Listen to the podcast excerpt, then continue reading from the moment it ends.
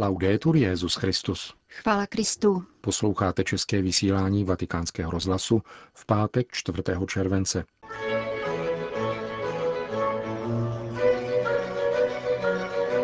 O dnes skončeném zasedání devítičlené kardinálské rady referuje tiskový mluvčí svatého stolce otec Federico Lombardi. Papež František se zapojil do osvětového projektu o afrických albínech.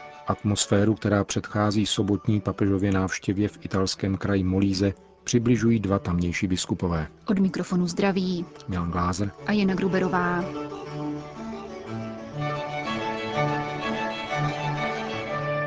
Zprávy vatikánského rozhlasu. Vatikán. Devítičlená kardinálská rada pověřená reformou římské kurie dnes večer ukončila své zasedání v domě svaté Marty. Jak informoval tiskový mluvčí svatého stolce otec Federico Lombardi, poslední porady se týkaly dvou určitých úřadů římské kurie, papežských rad pro lajky a pro rodinu.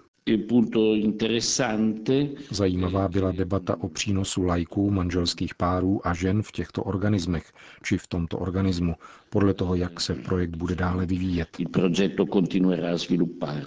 Plán na reformu římské kurie totiž zahrnuje slučování různých vatikánských úřadů, ačkoliv definitivní rozhodnutí dosud nepadlo, vysvětlil otec Lombardy. Kardinálská devítka se dále zabývala diplomatickými zastupitelstvími svatého stolce. Diskutovalo se o nunciaturách a jejich chodu, výběru nunciů a procedurách při biskupských jmenováních, což jsou evidentně důležitá témata pro vedení církve. Také zde šlo o výměnu názorů, která může být užitečná, aniž by se dospělo ke zvláštním rozhodnutím.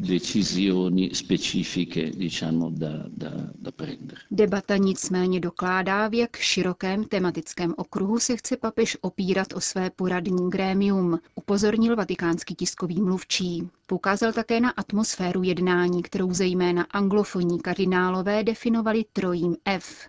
Free, frank and friendly, tedy jako svobodnou, upřímnou a přátelskou. Zdůrazňovali tento rys, tedy volnost ve vyjadřování, upřímnost projevu, srdečnost vzájemného docenění. Papež do dialogu vstupuje přirozeně a podněcuje jeho vývoj, aniž by jej řídil – Jeden z kardinálů mi řekl, že před nemnoha lety by na této úrovni byl nepředstavitelný takovýto styl komunikace, která se odehrává v přirozeném, prostém a svobodném duchu.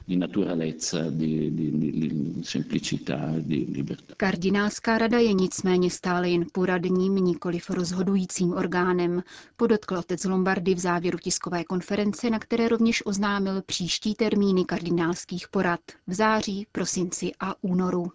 Krakov. Kardinál Stanislav Diviš představil oficiální logo a modlitbu 31. světových dní mládeže, které bude na konci července 2016 hostit polský Krakov. Autorkou loga je 28-letá polská grafička Monika Rybčinská, se kterou spolupracovala o dva roky mladší kolegyně Emilia Píza. Ve své tvorbě se dali inspirovat obrazem božího milosedenství spjatým s viděním řeholnice svaté Faustiny Kovalské. Oficiální modlitba krakovských dní mládeže se stává ze tří částí. V první se člověk, a zejména mladý člověk, svěřuje božímu milosedenství. Druhá je žádostí o milosedenství srdce. Třetí pak prozba o přímluvu Matky Boží a svatého Jana Pavla II., který je patronem Světových dní mládeže. Dodejme, že setkání mládeže v polském Krakově se ponese ve znamení verše z Ježíšova horského kázání. Blahoslavení milosrdní, neboť oni dojdou milosedenství. Vatikán. Jezuita byl jmenován zvláštním asistentem řeholní kongregace legionářů kristových. Stal se jim otec Gianfranco Girlanda, profesor kanonického práva a bývalý rektor Papežské gregoriánské univerzity. Rozhodla o tom Vatikánská kongregace pro instituty zasvěceného života. Otec Girlanda pomáhal již z pověření Benedikta XVI. při reorganizaci řeholního společenství legionářů kristových poté, co byl odhalen podvojný život jejich zakladatele otce Marciala Masiela – Italský jezuita byl spolupracovníkem kardinála Velázio de Paulise, papežského delegáta, který byl dočasným představeným legionářů. Ti si mezi tím na generální kapitule zvolili svého představeného a vypracovali nové řeholní konstituce, které byly schváleny svatým stolcem minulý týden. Posláním otce Girlandy bude také obnova laického hnutí Regnum Christi, které je s legionáři spojeno. Papež František propůjčil svůj hlas audioknize vydané na záchranu afrických albínů. Autorem projektu je Ital Cristiano Gentili, 40-letý zaměstnanec mezinárodních organizací zaměřených na jejich světa.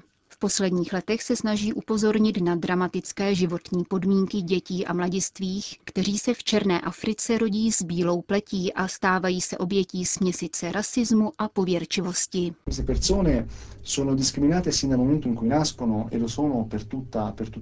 Tito lidé jsou diskriminováni od narození po celý zbytek svého života. Je na ně pořádán hon, protože převládá víra, že z části jejich těla je možné dělat ochranné amulety. Kromě toho je nutné si uvědomit, že těmto lidem kvůli nedostatku melanínu pod rovníkovým sluncem hrozí kožní nádory. Nedožívají se tedy více než 32 let. Ve spolupráci s nevládní organizací Lékaři pro Afriku Cristiano Gentili prožil dlouhý čas v Tanzánii. S africkým albínem Josefatem Turnerem cestoval po zemi a odhaloval zločiny, které se odehrávají vinou převládající africké pověrčivosti a za naprosté lhostejnosti západu. Byl jsem v Africe, kde jsem se dozvěděl o existenci tohoto fenoménu. Vzal jsem si rok neplaceného volna, abych jej zdokumentoval. Se svým kolegou, který je aktivistou za práva albínů, jsem navštívil některé chráněné komunity a mohl jsem si uvědomit kontrast mezi bílou pletí privilegovaného Evropana a bílým Afričanem. Chtěl jsem udělat něco, abych zvýšil povědomí o tomto jevu. A tak vznikl román Bílý stín. Kristianovi reportáže a kniha však dopadají do prázdného ticha. Rodák z toskánského Groseta proto apeluje na známé osobnosti, politiky, novináře i nakladatele. Jediný, kdo mu odpovídá, je papež František. È successo che mm, Papa Francesco ha, ha letto una, una mia lettera. Papež František četl dopis, ve kterém jsem ho vyzýval, aby se zastal těchto lidí. Byl jsem pozván do Vatikánu na mezinárodní sympózium o Africe, kde jsem si připadal poněkud nepatřičně. Měl jsem totiž vystoupit po významných politických a církevních osobnostech. Promluvil jsem zcela jednoduše o afrických albínech a svém románu. Svatý otec mne kromě toho pozval ke třídennímu pobytu do domu svaté Marty a tam mne přijal na soukromé audienci. Během této audience významně podpořil celý projekt. Jako první daroval svůj hlas pro vznikající audioknihu. Přečetl několik vět pronášených jednou z postav, která vznikla ještě před volbou papeže Bergolia. Je to otec Francis, který stělesňuje roli katolické církvy v Africe a s kterým se do africké církve vrací naděje. Vzor svatého otce však může následovat kdokoliv. Pokud věnuje svůj hlas, zúčastní se tvorby vůbec první sociální audioknihy, která symbolicky dodá hlas těm, kdo jej nemají, vysvětluje pro naše mikrofony Cristiano Gentili. Dodejme, že celý projekt doprovází finanční sbírka a vícejazyčná petice. Řím. Itálii se šíří pokojný a tichý občanský odpor proti omezování svobody slova a na podporu přirozené rodiny, založené na svazku muže a ženy. Po vzoru francouzských velier, kteří dodnes vystupují proti redefinici manželství, nastupují už řadu měsíců na italská náměstí tzv. stojící hlídky – Vadí jim zákon proti homofobii, který nyní projednává italský parlament, vysvětluje jejich mluvčí Nikola Galizia. E Tento zákon zavádí trestný čin homofobie a transfobie.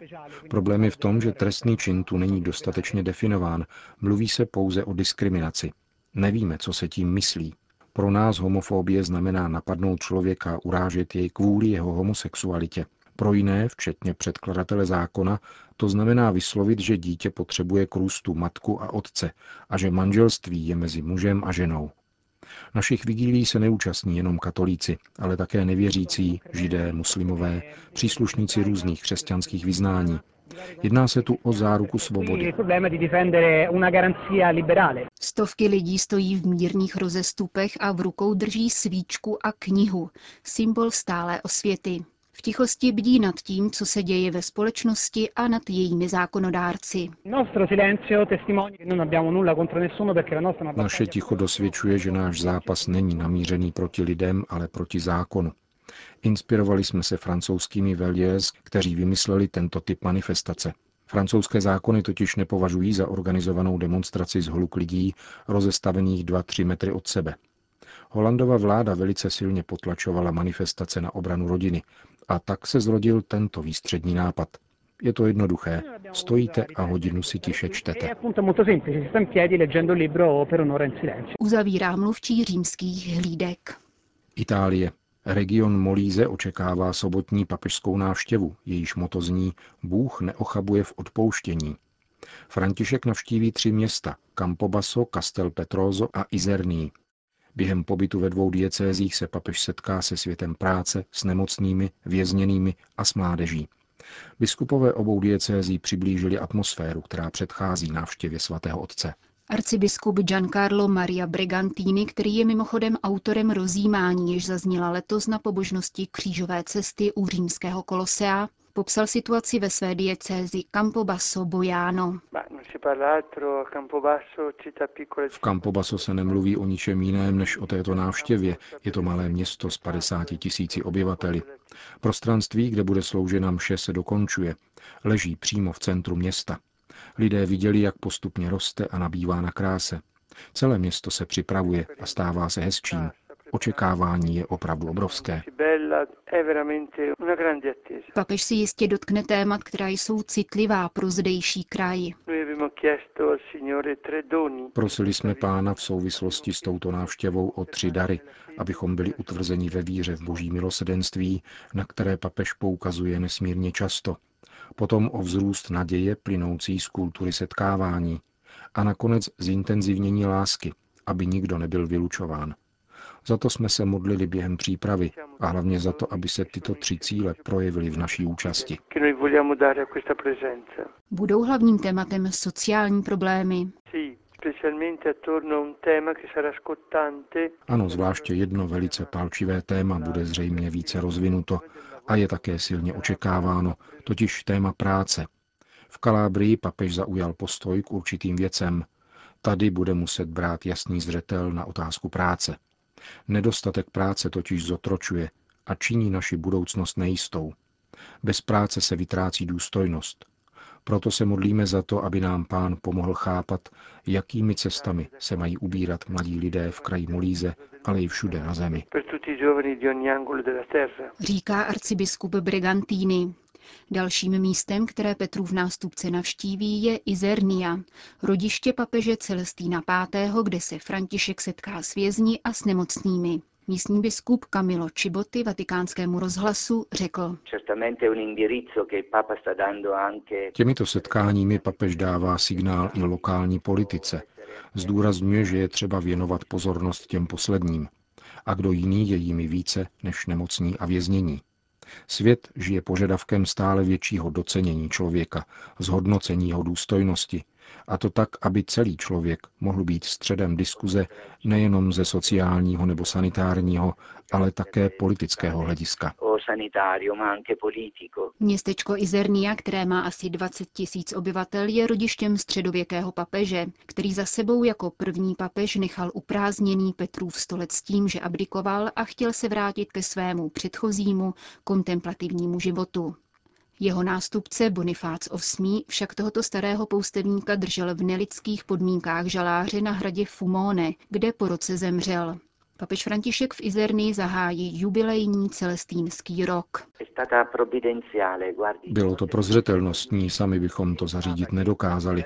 Papež nás svojí návštěvou velice potěšil, když podpořil tuto naši iniciativu. A je krásné, že František přijede do Izernie právě 5. července, tedy v den, kdy bylo roku 1294 zvolen papež Celestín V. Město se tedy může radovat stejně jako roku 1294, kdy se jeho drahý syn stal papežem. Říká biskup Izernie Monsignor Čiboty.